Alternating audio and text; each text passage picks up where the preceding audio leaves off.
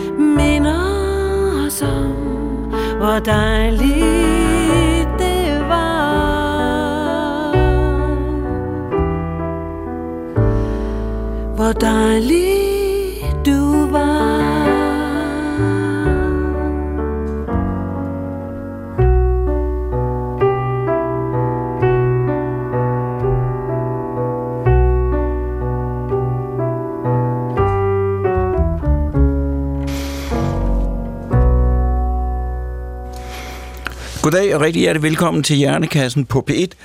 Mit navn er Peter Lund Madsen, og øh, i dag der startede vi med en sang, som betyder meget for mig.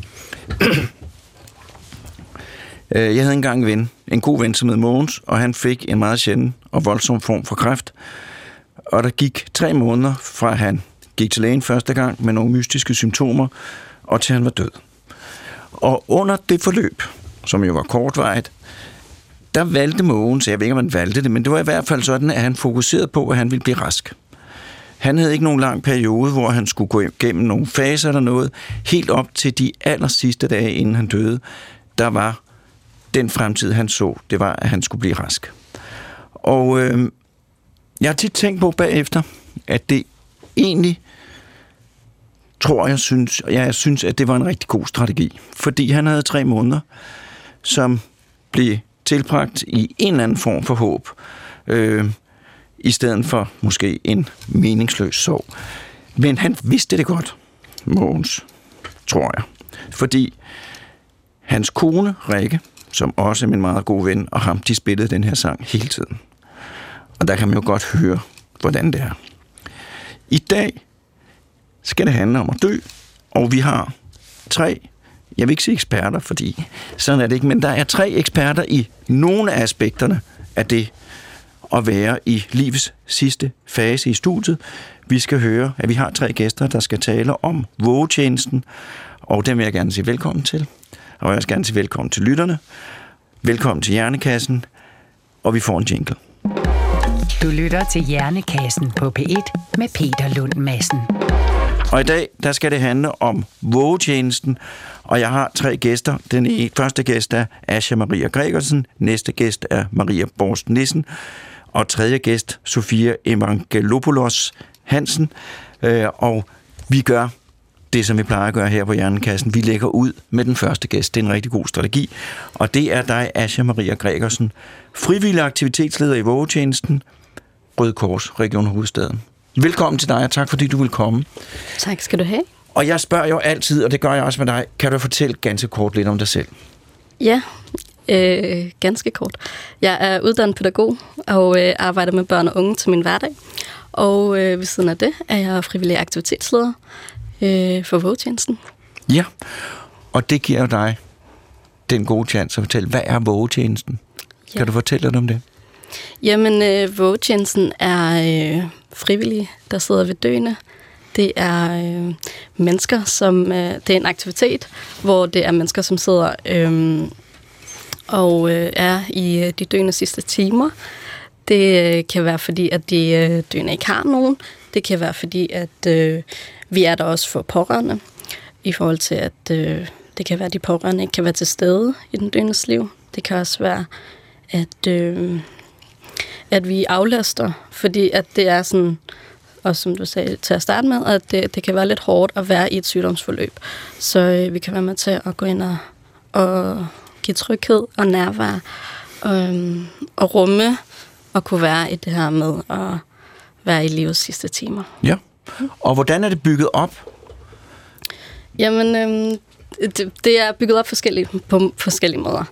Øh, jeg har også været frivillig aktivitetsleder i Haderslev, der var det bygget op på en måde, men her i øh, hovedstaden er det bygget op som i, at øh, der er en konsulent, øh, så øh, inde på hovedkontoret, så er der en frivillig aktivitetsleder, som så er mig, og så er der øh, i hovedstadsområdet er der fire teamledere, fordi at vi har cirka 200 frivillige, hvor at de her øh, frivillige er øh, opdelt i små teams. Ja. Ja, Har du prøvet at våge? det har jeg. Kan du fortælle øh, sådan øh, typisk i første omgang, hvordan er sådan et, et forløb? Ringer man til dig og siger, nu er der en, hvor du skal ud og våge, eller hvordan, hvordan foregår det typisk? Jamen, det foregår typisk, at vi har et øh, samarbejde med blandt andet hjemmeplejen, eller plejehjem, eller øh, sygehuse, hvor at der er mennesker, øh, professionelt, øh, professionelle mennesker, der ringer til os og siger, hey, vi har brug for hjælp til øh, en ældre herre. Og så øh, er det så teamlederen, der så har rollen med at ringe rundt til de forskellige frivillige, og så øh, lave et vagtskema, hvor man så byder ind med, hvornår øh, man man kan våge, og det er typisk om natten, at vi våger, øh, og det kan være på alle tider, det kan være i hverdag, det kan være i weekender, da, det er meget forskelligt. Så det kan for eksempel være en, en familie, hvor der ikke måske er rigtig, rigtig mange familiemedlemmer, og man siger, vi vil simpelthen, vi vil, vi vil gerne have, at der altid er nogen hos, hos vores pårørende, og vi kan ikke dække det hele ind, så, så derfor så taler de med sygeplejersken eller plejepersonalet om, om der var mulighed for at få øh, en, der kunne være der på de tidspunkter, hvor familien ikke har mulighed for det. Lige præcis. Det ville være typisk. Ja. Øhm, og øh, hvordan foregår, du har jo prøvet at våge, så hvordan du kommer så ud på hospitalet eller på hospice, hvor det nu foregår, hvor, hvor foregår det henne? Øhm, jeg vil lige sige, at hospice har deres egen frivillige. De har deres Så- egen frivillige, ja. Det vil jeg sige i, på et plejehjem. Ja. Øhm, så kommer jeg, kommer jeg ind, øh, så som regel så går vi hen og siger øh, til den døende, der ligger i sengen, siger hej, mit navn er Asja, øh, jeg kommer fra vågetjenesten, og jeg skal sidde hos dig de næste par timer, og hvis jeg så normalt ved jeg, om der kommer nogen næste efter, og så siger jeg så, ja, men øh, Sofia hun kommer så næste efter, og hun vil også sidde, så du skal ikke øh, være alene. Der er nogen hos dig, og vi er der for dig. Og hvad gør du så? Typisk. Jamen, øhm, så sætter jeg mig. Ja. ja, øh, jeg sætter, som regel er der øh, sengen, og så er der en stol ved siden af, så sætter jeg mig ved siden af. Øhm, og så mærker jeg efter, hvad det er, den døende har brug for. Øhm, det kan, altså, vi, vi kan komme ud for rigtig mange forskellige slags mennesker, og det kan være mennesker, som er rigtig bange, og det kan være mennesker, som er øh, angste, det kan være mennesker, som bare er kede af det, og har brug for, at der er nogen hos dem.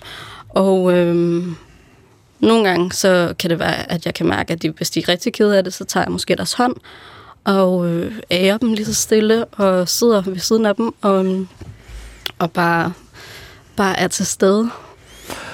Det er jo nok noget, mange tænker på. Det der, når folk er, for eksempel er bange, Mm. folk der ligger og skal til at dø, hvordan, hvordan kan det vise sig? Og nu stiller jeg et dumt spørgsmål, men, men det er ikke så dumt. Og hvad, ved du, hvad folk er bange for? Hvordan oplever du sådan en situation? Mm. Altså som regel, så aflæser jo kroppen i forhold Ja. til, om de er bange ja. eller er ked af det. Ikke? Øhm, men, men det kan jo godt være uvidsheden, og det, Ja. som regel kommer vi også ud de sidste timer, hvor det er, at de ikke øh, kan snakke mere. Men man kan mærke, at øh, kroppen slapper mere af, og man sådan, øh, kroppen er mere sådan rolig, efter man har sat sig ved siden af, og de ved, at der er en hos hende. Øhm, så det er ikke altid, vi når ud for, at de kan nå at sige noget. Nej, men man kan jo godt mærke det alligevel. Man kan godt mærke ja, det. at kroppen slapper af, og mm. der bliver mere ro på. Ja. Og det der med, det er jo altid meget, meget omdiskuteret, hvor meget, hvor meget forstår man, mm. øh, og, og, og at, ja, hvor, langt, hvor meget forstår man. Men det der med, at der også kommer en vidshed om, at der er en hos dig, der mm. sidder der, det, det kan du mærke Mm. øh, tit betyder noget. Ja. Øh, hvad, øh, hvad, hvad med de pårørende? Er de glade for, at der, der også kommer nogen? Ja. det er de. Det er i hvert fald det, min oplevelse er, at øh, det kan være med til os. Altså, lige så vel som vi er der for de døende, så er vi der også for de pårørende. Og nogle gange så har vi, øh, de pårørende brug for, øh, at vi sidder sammen med dem og er til stede ved de døende, og det kan også være, at de bare giver en tryghed, at der er nogen hos dem, fordi de måske ikke selv lige kan være der, eller ja. Ja. Så de, de, de fleste gange er de meget, meget taknemmelige for, at vi er der. Men nu, du er jo ikke øh, udlært i sundhedsvæsenet. Nej. Opdraget i sundhedsvæsenet, vil jeg nærmest sige. Øh, jeg kan huske, jeg er jo læge, og det, det at blive læge, det er jo, det synes jeg er en lang, lang opdragelse på en eller anden måde, som foregår sådan ubevidst. Jeg kan huske aller, aller første gang, jeg var på et hospital. Det var en neurokirurgisk afdeling. Det var et chok for mig. Simpelthen, jeg, jeg var chokeret. Jeg lovede mig selv, da jeg gik derfra, jeg vil aldrig nogensinde, aldrig øh, køre beruset, fordi jeg så folk, der var blevet kørt ned. Det var et chok at se rigtig syge mennesker for første gang. Mm. Øh, og øh, som læge, der har der jo også, eller medicinstuderende, der har jo også været hele, altså det der med at blive introduceret til, altså se nogen, dø, se nogen, der er døde, og alle de der forskellige ting. Hvordan var det for dig, hvor, som, som kommer mere ude fra gaden, om jeg så må sige, hvordan var det første gang at træde ind i det her helt specielle, den her helt specielle situation, som det jo er? Mm, det er jo klart øh, specielt. Ja. Det er det. Men, men jeg er også på som... Øh, jeg er jo på, nu siger jeg situationstegn, at jeg er på arbejde. Så jeg er der jo for den døende. Ja. Og, øh, og selvfølgelig er der klar forskel på, om man sidder der for dem, de nærmeste ens egne, så er situationen jo en helt anden, eller om man sidder der for nogen, som man ikke kender. Men det er klart specielt, og det var jo helt klart noget af det, altså det gjorde et stort indtryk at se det her menneske her ligge øh, helt sårbar og ikke rigtig kunne noget, ikke? Hvordan, fordi at det er jo, hvis man, hvis man nu øh, er læge eller plejepersonale, så har man jo mange forskellige opgaver. Mm. Og det er jo kun sjældent, at, at der er tid til, at man siger, din arbejdsopgave, denne vagt, er at sidde der. Mm. Hvordan ser plejepersonale på, at, at de er der? Som regel bliver det modtaget rigtig fint. Vi Ja. har jo et godt samarbejde med de, øh, vores øh, samarbejdspartnere, så de ved, hvad rammerne for det er. Og rammerne er netop, at vi øh, bare sidder, og vi sidder der som pårørende. Vi sidder hos den døende og er til stede for det. Øhm, vi går ikke ind og tager del i, i plejen eller noget. Vi- Vores opgave er at sidde. Har det her, at du har været med til at være i situationer, hvor folk døde, har det ændret dit forhold til døden? Ja, det har det. Øhm, altså jeg, generelt synes jeg jo, at døden kan være ret skræmmende. Men, øhm, men det gør jo også, at når man er ude, øh, så gør det, at, øh, at det kan give lidt mere tryghed og lidt mere ro. Øhm, og det, at man kan få lov at, få lov at give af sig selv, det, giver jo, det gør jo en kæmpe forskel for mig også som menneske i min hverdag. Ja, fordi at jeg vil jo sige, at når jeg har set eller været i et lokal med folk, der døde, der er jo, altså lige netop det gør mig mindre bange for at dø. Mm. Altså de ting, jeg har oplevet. Det er rigtigt, at, at der er jo nogle gange, synes jeg heldigvis ikke så mange gange, hvor, men, hvor folk er bange. Mm. Øh, men, men, men, men, men mange gange, så er det jo også, så er det jo også øh, fredfyldt. Mm. Øh, og ikke så skræmmende, som, som, som det er, når man forestiller sig det. Mm. Øh, så kan man sige, hvis du sådan helt ud fra egoistisk hensyn, får du noget ud af, har du fået noget ud af at være, være at arbejde med, som, som med vågning? Ja, helt klart. Det, øh, det, det, det gør mig, øh, hvad det hedder, det gør mig glad, og det gør, at, øh, at det er vigtigt for mig at kunne give noget af min tid for døende, fordi at jeg også tænker, at, øh, at øh, ja, vi er omgivet af mennesker hele vores liv, og som Røde Kors også siger, det er det her med, at ingen bør dø alene, og det går jeg også klart ind for. Så jeg synes, det er mega fedt at give sin tid på den måde. Og det er meningsfyldt. Det er kæmpe meningsvildt. Og nu spørger jeg, jeg tror, jeg kommer til at spørge tre gange i dag, men nu spørger hvis man nu sidder og hører det og tænker, jeg vil gerne, jeg vil gerne være frivillig for det her, hvad skal man så gøre? Jamen, øh, så skal man ringe til mig. ja, men... Øh, Man skal skriv- henvende sig til Røde Kors i hovedstaden. Bare generelt, ja. Og det var, så vi kom- har jo Røde Kors og hele landet rundt, Ja, ikke? ja. Øhm, man skal henvende sig Google, hvor øh, den nærmeste vågetjeneste er i nærheden, og så øh, skriv eller ring en mail til, øh, til lederen, der står for det. ja. Og så kommer man ind til en frivillig samtale, med en aktivitetsleder eller en teamleder, og så finder man ud af derfra, om det, om det er noget for... Ja. Altså, man kan jo sagtens have en forestilling om, hvordan det er, når man så kommer ud i virkeligheden, så kan det være, at det slet ikke er noget for en. Ja. Så Tusind tak, fordi du kom, og tusind tak for indsatsen. selvfølgelig. Du lytter til Hjernekassen på P1 med Peter Lund Madsen.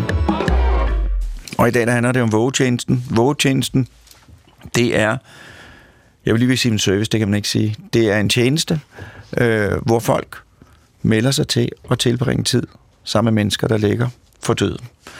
Og min næste, næste gæst, det er Mette Borst Nissen, konsulent for Røde Kors i Region Hovedstaden. Men du ved også noget om, reg- om det her i andre regioner i landet. Øh, nu må du... Nej, nu, jeg vil gøre det på en anden måde. Fortæl lidt om dig selv og dit job. Ja, det kan jeg gøre. Øh, jamen, jeg hedder jo Mette, og øh, er jo ansat, modsat Asja, som, som forklarede øh, frivillig, i øh, Røde Kors Hovedstaden, øh, som er en lokalafdeling øh, af Røde Kors. Der er de her cirka 200 lokalafdelinger, og, øh, og vi er så en af dem. Øh, og jeg arbejder med en masse forskellige indsatser, som alle sammen har noget at gøre med øh, sårbare ældre. Øh, ja, og der, ja, og så er vi jo et sted, hvor der er de her 3.000 frivillige tilknyttet. Og der står du for vågetjenesten i hovedstaden. Ja, det er det, Og hvis nu, at man... Øh, og du har ikke selv våget, Det har jeg ikke overhovedet. men øh, hvis nu, at, øh, at jeg sidder her og hører det her program og tænker, at jeg vil gerne høre nærmere om vågetjenesten. Kan du sige, hvad er det for nogle personlige egenskaber, der er vigtige?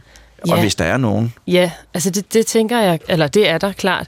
Øhm, og øhm, jeg kan måske også lige lægge ud med at sige, hvad man ikke skal i virkeligheden. Skal jeg nok ja. binde en, en knude over til, hvad, hvad der vil være rigtig godt, at man kan. Altså, vi har jo ikke... øhm, Vi har ikke nogen krav eller rammer, eller hvad skal man sige, i forhold til, at man skal have en sundhedsfaglig baggrund. Øhm, som jeg tror, at nogen tror, det vi egentlig lægger mere vægt på, det er, at man har et afklaret forhold til døden, og hvad så det, kan man jo så sige. Det er, jo rigtig, sådan, det er et rigtig godt spørgsmål. Har du et afklaret forhold til døden? fordi Ah, at, øh, 97 det er faktisk noget, vi sådan gør meget ud af, men jeg synes, at både, øh, hvad hedder det, Asja og Sofia, som er med i studiet, jeg havde en meget god pointe med, at I egentlig sagde sådan, hvordan ved man, når man har det? Men det handler selvfølgelig måske mere omkring det her med, at man har en, en form for... Øh, man, et distance til det, samtidig med, at man jo selvfølgelig også er involveret i det. Øh, men det handler i høj grad også om, at man ikke er for personligt involveret i det. Altså vi får også nogle gange henvendelser fra nogen, som hvis tætte familiemedlemmer måske lige er døde, og nu har man den her, sådan, det her behov eller det her ønske om at våge.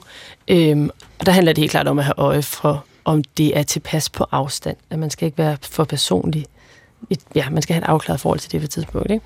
Og så, øhm, og så handler det jo rigtig meget om, og det er jo det, vi gør, når man kommer ind til en frivillig samtale. Det er, som jeg også sagde, det her med at rise op, hvad er, hvad, hvad er det egentlig? Fordi at det kan jo både være øh, smukt og roligt, og det kan også være rigtig voldsomt. Altså det der med, at der er mange facetter i det. Så at øh, i virkeligheden er det jo en stor forventningsafstemning ikke? på det. Er der nogen, hvis du siger, er, det, er der noget typisk, der kendetegner det, dem, der kommer til jer? Nogle bestemte typer? Og, Ja, altså ja, det er der. Altså man kan se sådan øh, helt statistisk på det, at der er jo, der er jo en overvægt af kvinder, ja. og øh, Men der er der mænd. der er helt klart mænd. Godt. Det er der, og det, det er der. Og det er måske to tredjedel, der er kvinder, og en tredjedel, der er mænd, så det er ikke sådan... Ja, det er egentlig det. Og så er det... øh, På landsplan er det helt klart flest øh, over 70, altså flest, der er gået på pension, og det tænker jeg i høj grad også har noget at gøre med, at den måde vågetjenesten er bygget op på, det er jo, at man har de her vågevagter, og de ligger jo på alle tider af døgnet, og de ligger i allerhøjeste grad øh, om natten, og man bliver jo, hvad skal man sige, øh, kaldt ind i virkeligheden. Ikke? På den måde kan du våge i nat. Altså, så man skal kunne det med, med kort varsel. Så, der, så det er klart, at der er dem, mennesker med en, en større fleksibilitet i deres liv, er der overvægt af. Men, der er også, men vi ser faktisk også, at der kommer flere og flere unge, der henvender sig.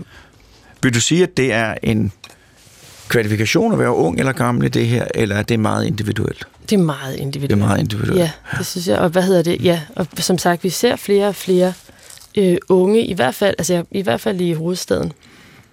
Øhm, og mange af dem har jo en sundhedsfaglig baggrund, og det er jo som sagt ikke, fordi det er et krav, men jeg tænker, at der også ligger en interesse i det.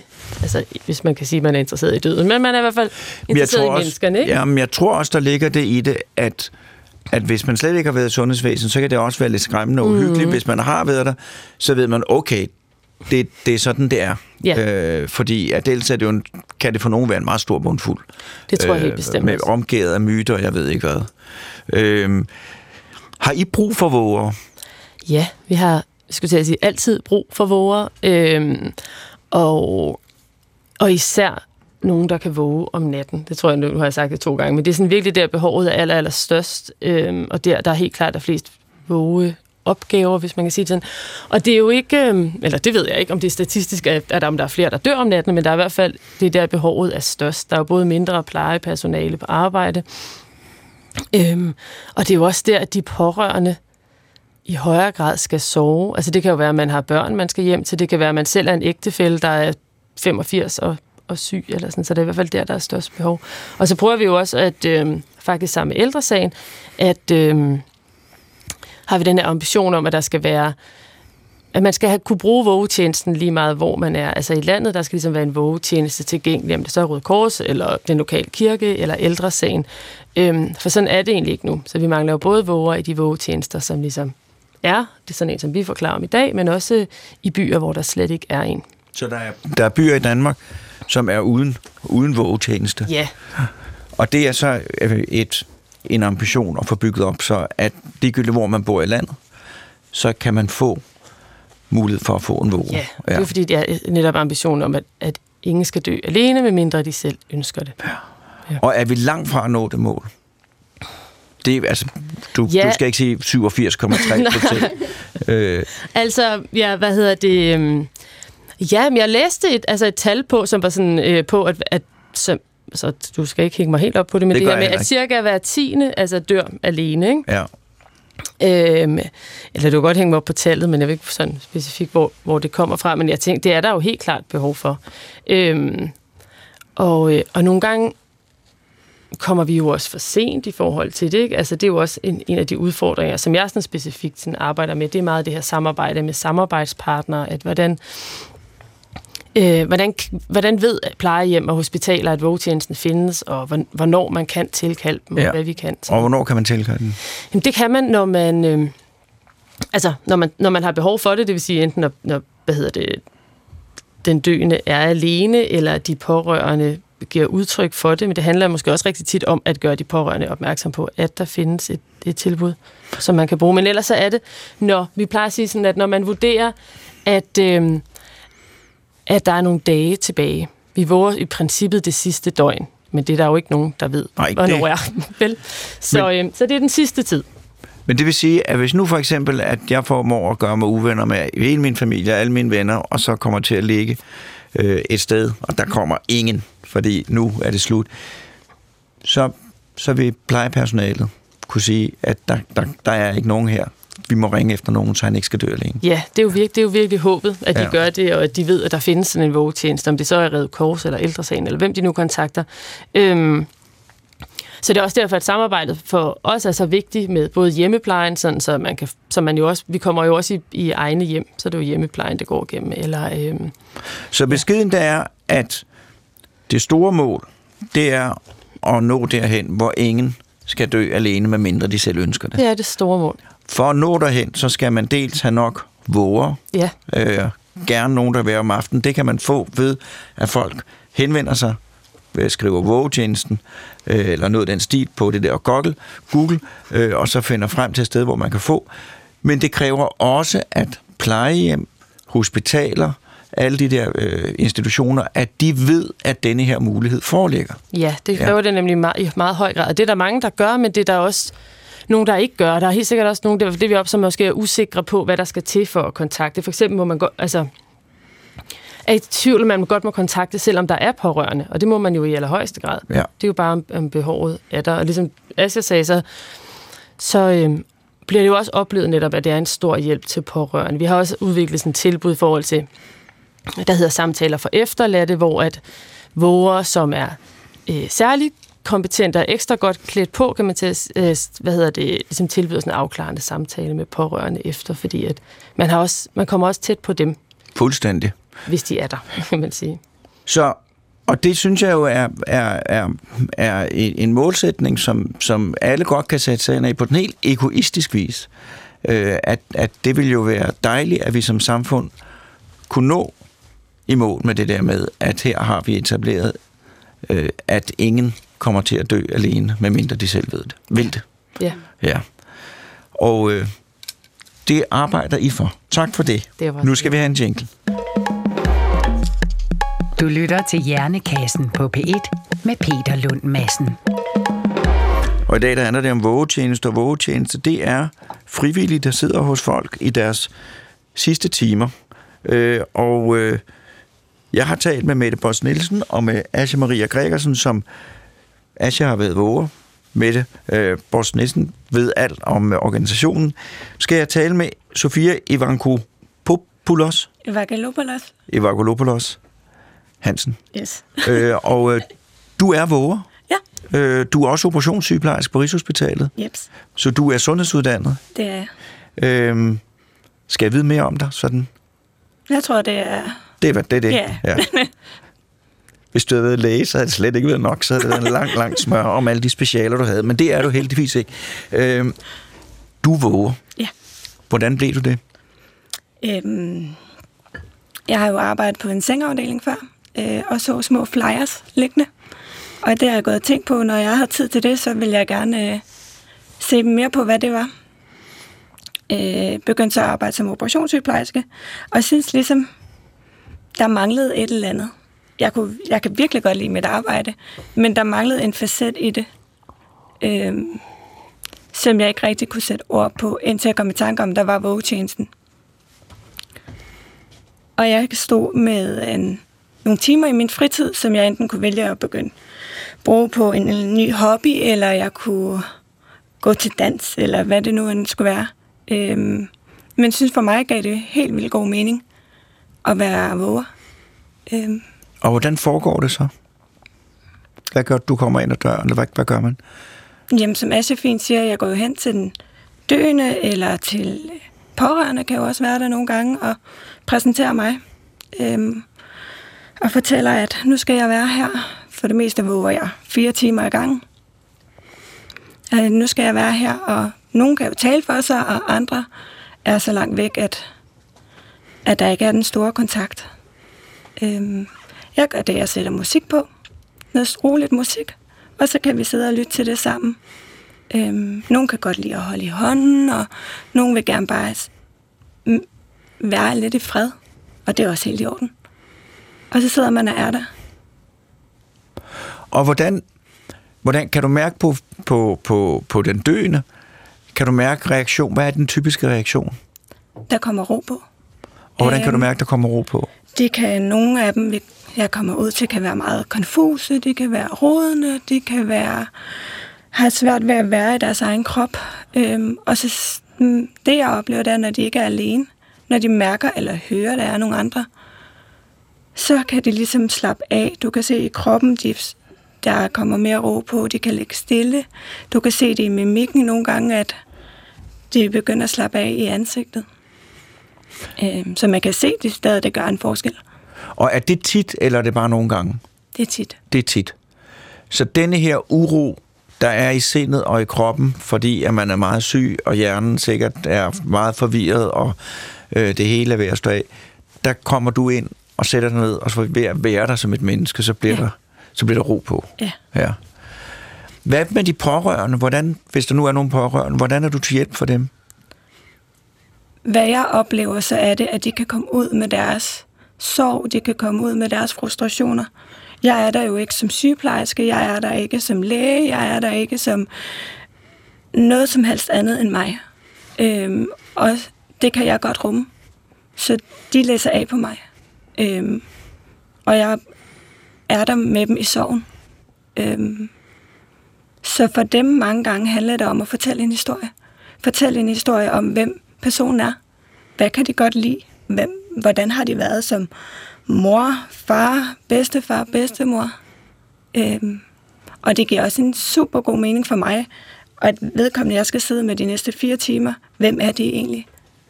Hvad har de oplevet? For det ved jeg jo ikke som sådan som våger. Men får du sådan et, et, et specielt forhold til den person, du sidder ved?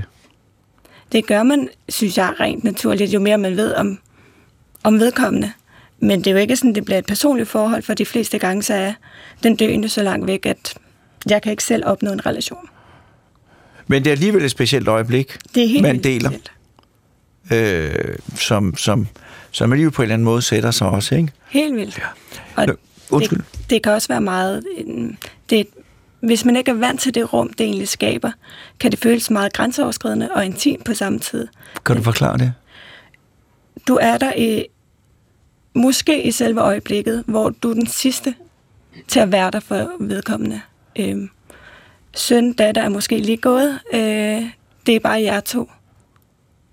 Og i og for sig er det jo en fremmed, jeg sidder ved, som skal dø over for mig. Og hvordan, hvordan finder du ud af, at folk, nu er folk døde?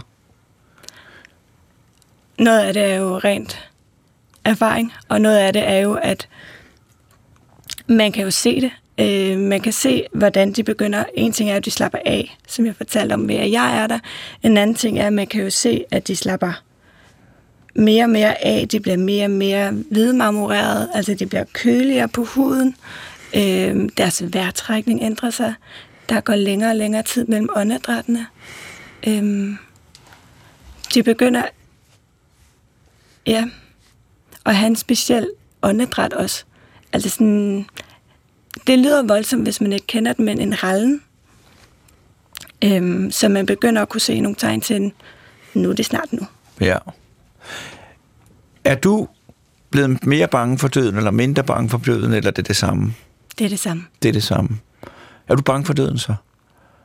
Jeg er ikke bange for selve døden, men, jeg, men man, man går der med tanker om, hvad der er efter døden. Ja. Og tror du, at der er noget efter døden? Jeg håber det.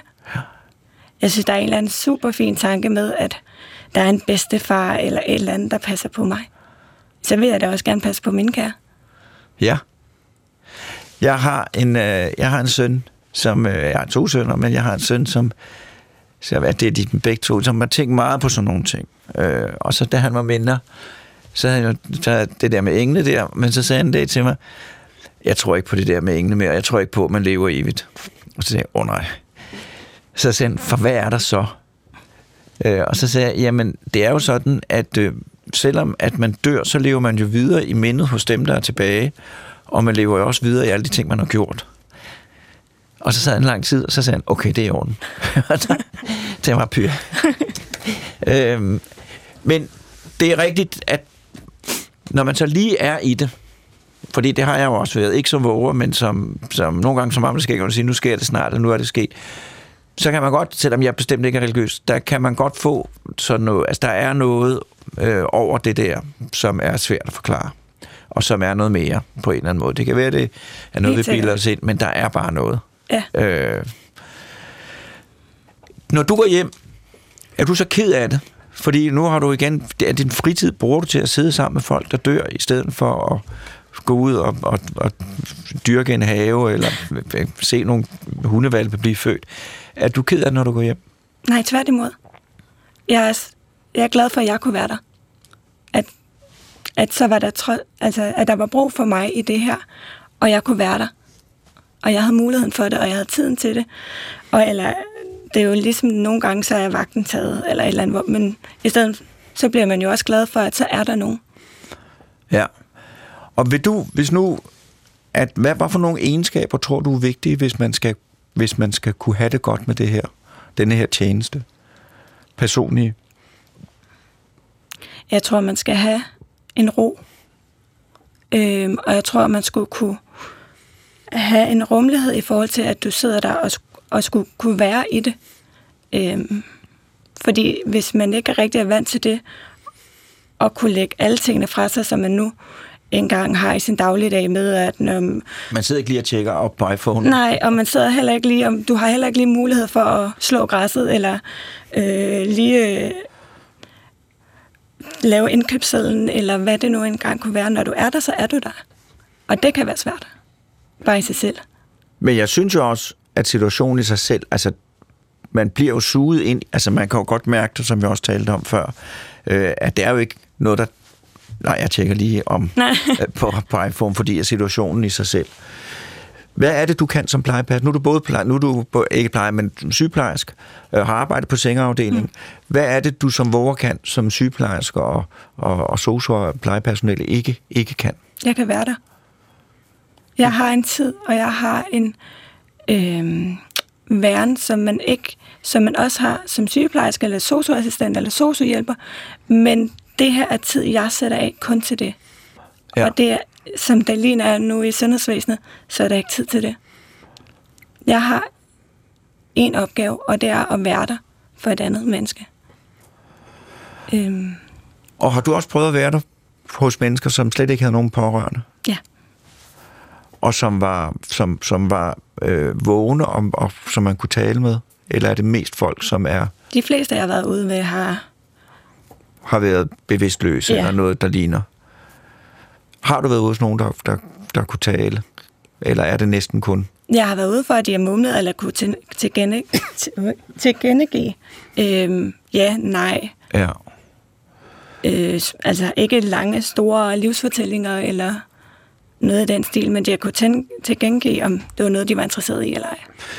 Og at, hvordan, fordi nu hørte vi, at der er jo nogle gange, så er folk bange og urolige, og nogle gange er det det ikke. Hvad, hvad er din generelle, hvordan, hvordan virker folk generelt? Du må godt nuancere svaret. Hvordan virker folk generelt i den her situation, hvor de er i deres sidste timer? Åh, oh, det er et svært Det spørgsmål. er et meget svært spørgsmål. Fordi alle er jo så forskellige. Ja. Øhm, Men du må godt svare langt. Jeg synes, man møder alt lige fra den meget angste, ja. meget rolige, øhm, som man nærmest ikke kan komme, altså nå ind til på en eller anden måde, øhm, eller det er lige meget, hvad du gør eller prøver, så kan, er du ikke nok på en eller anden måde øhm, til den meget fredfyldte, som ligger og slapper af og synes, at det hele, altså, det er bare en bonus, man er der. Ja. Og hvad kan man gøre for at berolige folk? Man kan være der, man kan holde dem i hånden. Man kan snakke til dem. Øhm, man kan øh, ja, fysisk berøring, tale, øhm, musik. Og hvad er det for noget musik, du spiller? Jeg spiller sådan noget stille og rolig, klassisk musik. Ja. Øhm, det tænker jeg, jeg ved jo ikke deres musiksmag, men så jeg tænker, det kan de fleste lide. Men det meste er det der, at der er en anden person. Så, øh, så vil du opfordre folk til at, at melde sig til det, til det her Ja, vågetjeneste? ja, det vil jeg. Men, men jeg tror også, man skal have gjort sig tanker om, hvad det vil sige. Og hvad er det for nogle tanker, man skal have gjort sig? Jeg tror, hvis du har en idé om, at det altid er rosenrødt, og alle får den øh, søde død, og alle øh, sover blidt ind, det der gør de meget, rigtig mange også. Men der er også dem, der er angste, og det skal man også kunne rumme. Og hvad skal man mere vide? Du skal kunne, ja, som jeg sagde før, du skal kunne lægge din, din hverdag til side et par timer. Øhm, Det er ikke noget, man, det kræver fuld opmærksomhed. det kræver fuld Og det må man også kræve altså en vis evne til at, at situationsfornemmelse, Helt sikkert. ikke? Og, almindelig god dannelse. Ja. For så man kan meget hurtigt komme til stik, stik, stik udenfor. Øhm, men samtidig så giver det jo, altså jeg synes jo, altså jeg har jo, det har jeg jo så tit tænkt på, der da jeg var medicinstuderende, hvor man jo havde vagter, hvor man jo også kunne sidde folk, der var meget syge. Det, det, det, er, det er altså en meget, meget speciel oplevelse at være sammen med mennesker i den her situation. Og det giver en en indsigt i et aspekt af livet, som, som er interessant og forkert at sige, men som er berigende at kende noget til. Det vil jeg oven købe sige. Du vil gerne sige noget, Asja? Ja, altså lige når du siger det der, så er det jo øhm, ja, super livsbekræftende at sidde derude. Øhm, jeg har siddet ude ved en øh, 104-årig dame, hvor øhm, det var apropos det her med at pårørende kunne være til stede, men, men det var en, øh, en præst, der havde istandsat hele det her forløb her. Han havde ringt til vågetjenesten, han havde fået naboer og mennesker til at komme ud og sidde ved den her dame her, fordi at de pårørende ikke kunne være der. Og der var bare en eller anden...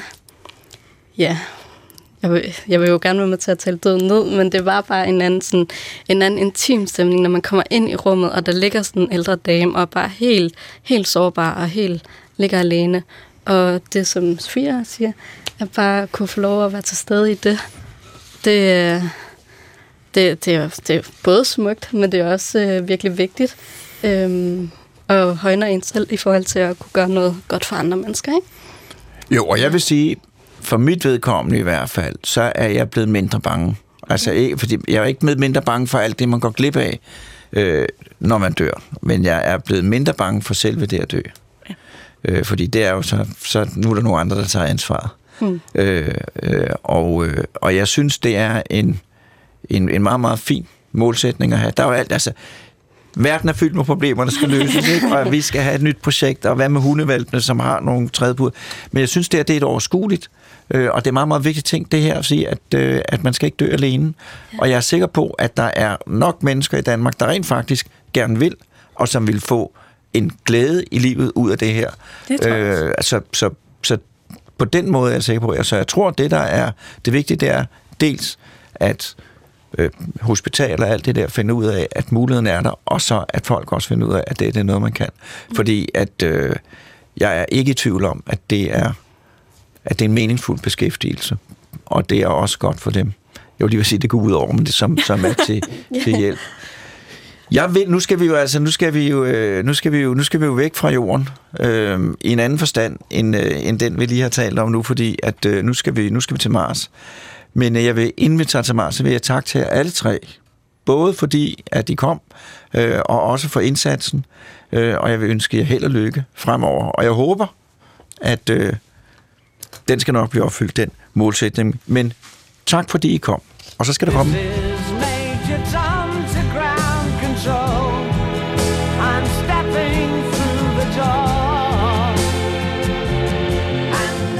I'm going to step off the limb. It's one small step for man, one more. giant leap for mankind. Oh, that looks beautiful from here, Neil. It has a beauty all its own. Is there life on Mars?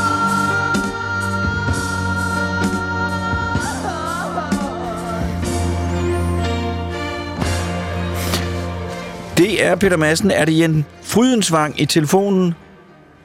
Det er det, jeg, Jens Rødmang. Ej, hvor er det fantastisk. I kan styre øh, fartøjer op på Mars, og jeg kan få fat på dig på telefonen under et radioprogram. Øh, verden er fantastisk. Du er adjunkt på Center for, nej, Center for Star and Planet Formation. Det er korrekt. Det er korrekt. Velkommen til Hjernekassen øh, på P1. Øh, og øh, du er jo en af dem, som er med i Mars-missionen. Og, Ja. og, øh, og, øh, og, og kan du ikke fortælle her til, i starten, hvad, hvad, hvad er din rolle? Jo, jamen, jeg er på, øh, så jeg, jeg er faktisk med på to Mars-missioner. Øh, så både Perseverance roveren, der landede her i, øh, i februar i Jezero-krateret, så altså, det er, den, det, er den, det er den nye dreng i klassen. Øh, og derudover så er jeg også med på Curiosity roveren, øh, som landede tilbage i, øh, i 2012. Så du har to biler Øh, kørende rundt op på Mars. Jeg har to biler kørende rundt på Mars, ja. Vi skal- Øh, vi skal er tale mest om-. Ja, vi skal tale om den nye. Øh, Det er rigtigt. Fordi hvad, der, der er jo den her rover, som er en, en, en, en lille bil, der kan, fartøj, der kører rundt op på Mars. Øh, og, øh, og den har forskellige måleinstrumenter påsat. Er det ikke rigtigt? Det er nemlig rigtigt. Og det instrument, jeg er med på, det er et, der hedder Supercam, som øh, er et instrument, som vi bruger til at skyde med en, med en laser på, på klipper op til en 7 meter væk fra roveren. Øh, og der danner vi en lille gnist på overfladen øh, og måler spektret af det lys, der kommer fra den gnist. Så Og hvad får man ud af det? Jamen, ud fra det spektrum, der, der ser man en række spektrallinjer fra forskellige grundstoffer. Så der kan vi udregne, hvad er sammensætningen, hvad er grundstofsammensætningen af, af, af, af de klipper. Så I har et fartøj med en laserkanon på, og så kan I skyde ind i nogle klipper, så kommer noget damp ud, så kan I måle på det damp, og så kan I se, hvad klipperne består af. Ja, eller faktisk rent ud fra, fra den gnist, der kommer på Fra gnisten. Ja, Så- undskyld, gnisten. Ja, så det er simpelthen ud fra lyset. Det er rent lyset, vi, uh, vi arbejder med i, uh, i Supercam. Og så øh, har, og det synes jeg er en top idé, I har jo fået mikrofon med og, båndop, eller, ja. og, og lydsender, så, så vi har faktisk af dig fået en optagelse af, hvordan det lyder, når den der laserkanon den bliver skudt af. Er det ikke rigtigt? Det er rigtigt. Og den vil vi meget gerne spille nu. Den kommer her.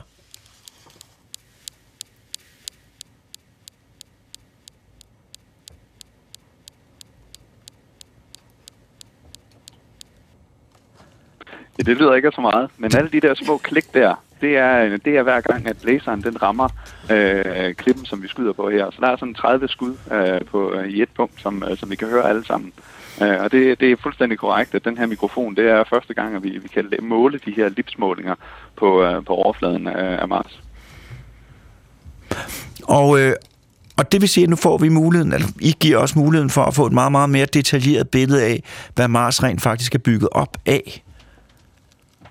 Ja, øh, og, og det som Supercam skal bruges til, det er at øh, så at sige være, være en, en, en spider for, øh, for, for de andre instrumenter.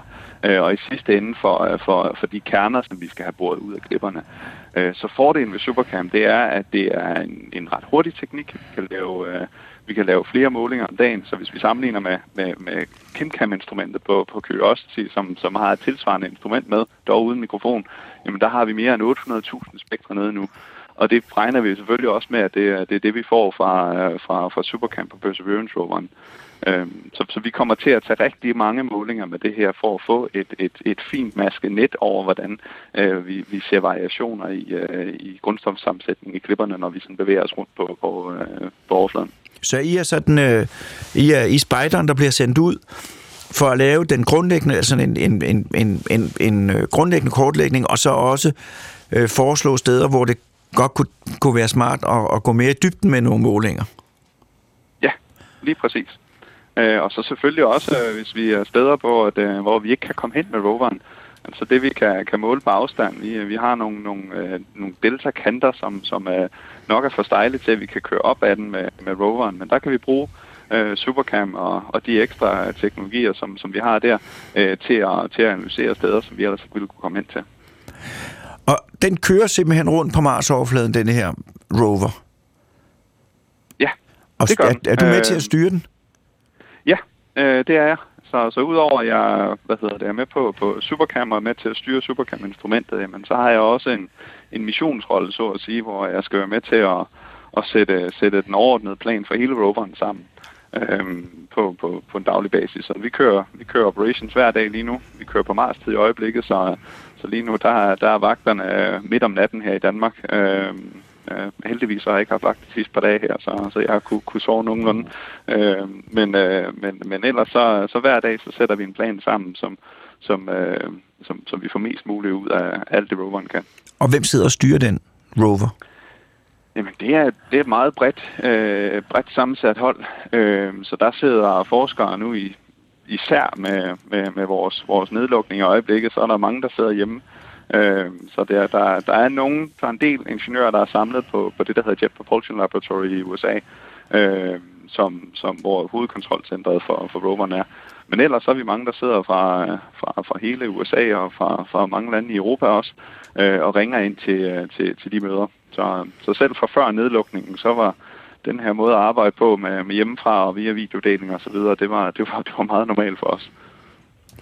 Og har I, og det er jo nok et, nej, det vil jeg næsten ikke stemme, nu stiller jeg det alligevel, har I fundet ud af noget nu, eller hvad, det, I har jo ikke haft ret meget tid, men hvad regner I med at få ud af det her? Jamen, det er rigtigt, og det, det vi er i gang med lige nu, det er stadigvæk at, øh, at starte alting op. Øh, så, så det nyeste, vi har fået ned deroppe fra, det er, at vi har lige smidt øh, det skjold, der skulle beskytte den helikopter, vi også har med deroppe.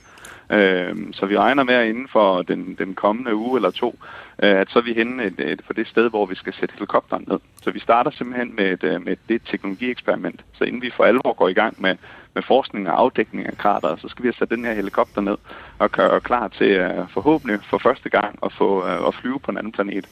Uh, og der kommer vi til at stå, stå lidt stille med roveren imens. Vi kan jo godt skyde på klipperne omkring os, men, uh, men roveren kommer ikke til at bevæge os, mens at, uh, at den her helikopter, vi, uh, vi skal have gang i den. Og nu spørger jeg dumt, er luften tykkere eller tyndere på Mars? Atmosfæren tykkere eller tyndere på Mars? den er betydeligt tyndere, og det er også derfor, det er så, så udfordrende at skulle have, skulle have lavet de her øh, øh, helikopter, øh, som, som skal flyve derop. Øh, så selvfølgelig så er tyngdekraften også lavere. Det er klart, det gør det nemmere at få ting til at flyve, men, øh, men, men atmosfæren den er, den er, den er betydeligt øh, tyndere end, end det, vi har på, øh, på jorden.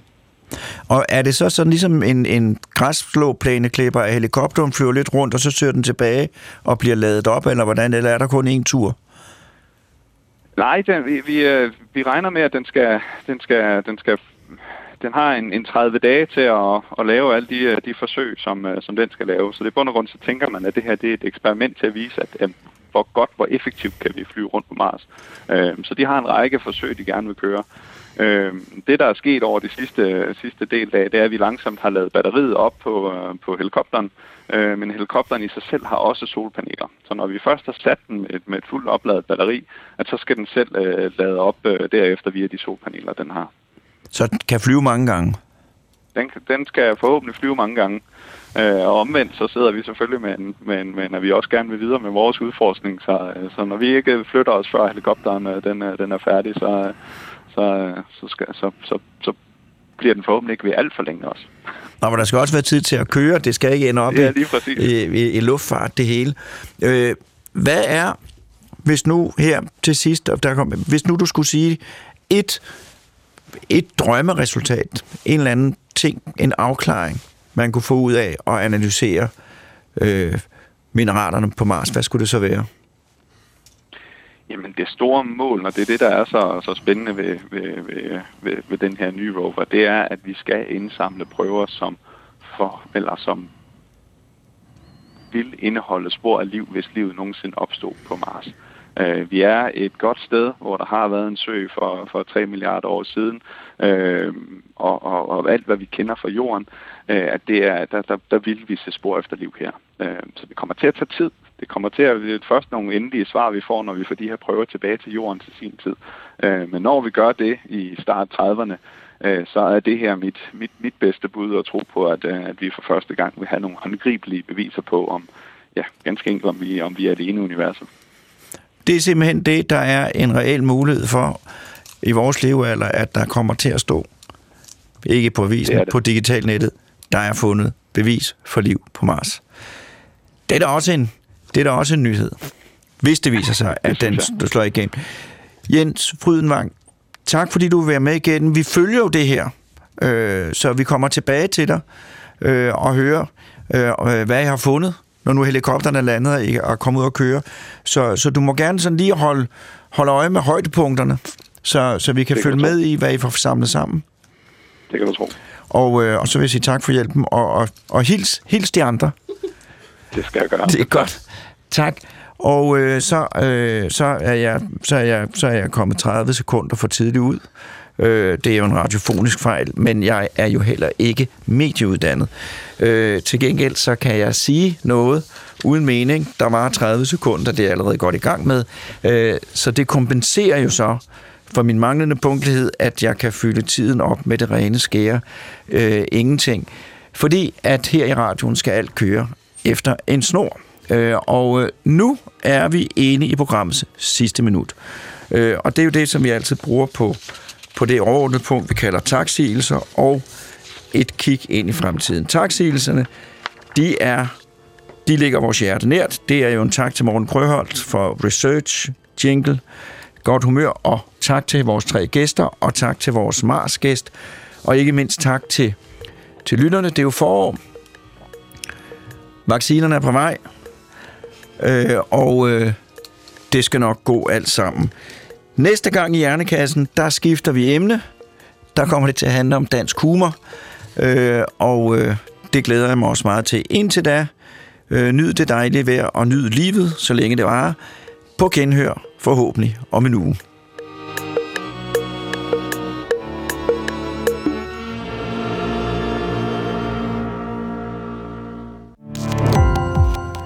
Gå på opdagelse i alle DR's podcast og radioprogrammer. I appen DR Lyd.